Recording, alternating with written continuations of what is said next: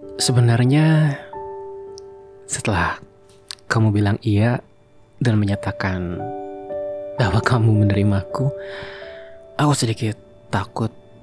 Aku takut jika kau tak menerima aku dengan segala keakuanku.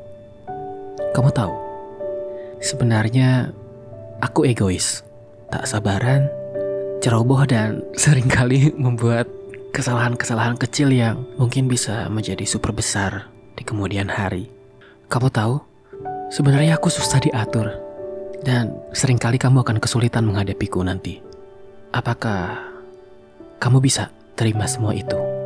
Karena jika kamu bisa berusaha menerima aku dan segala keakuanku, aku juga akan berusaha dengan semua usaha terbaik yang aku punya untuk menerima kamu dengan segala kekamuanmu.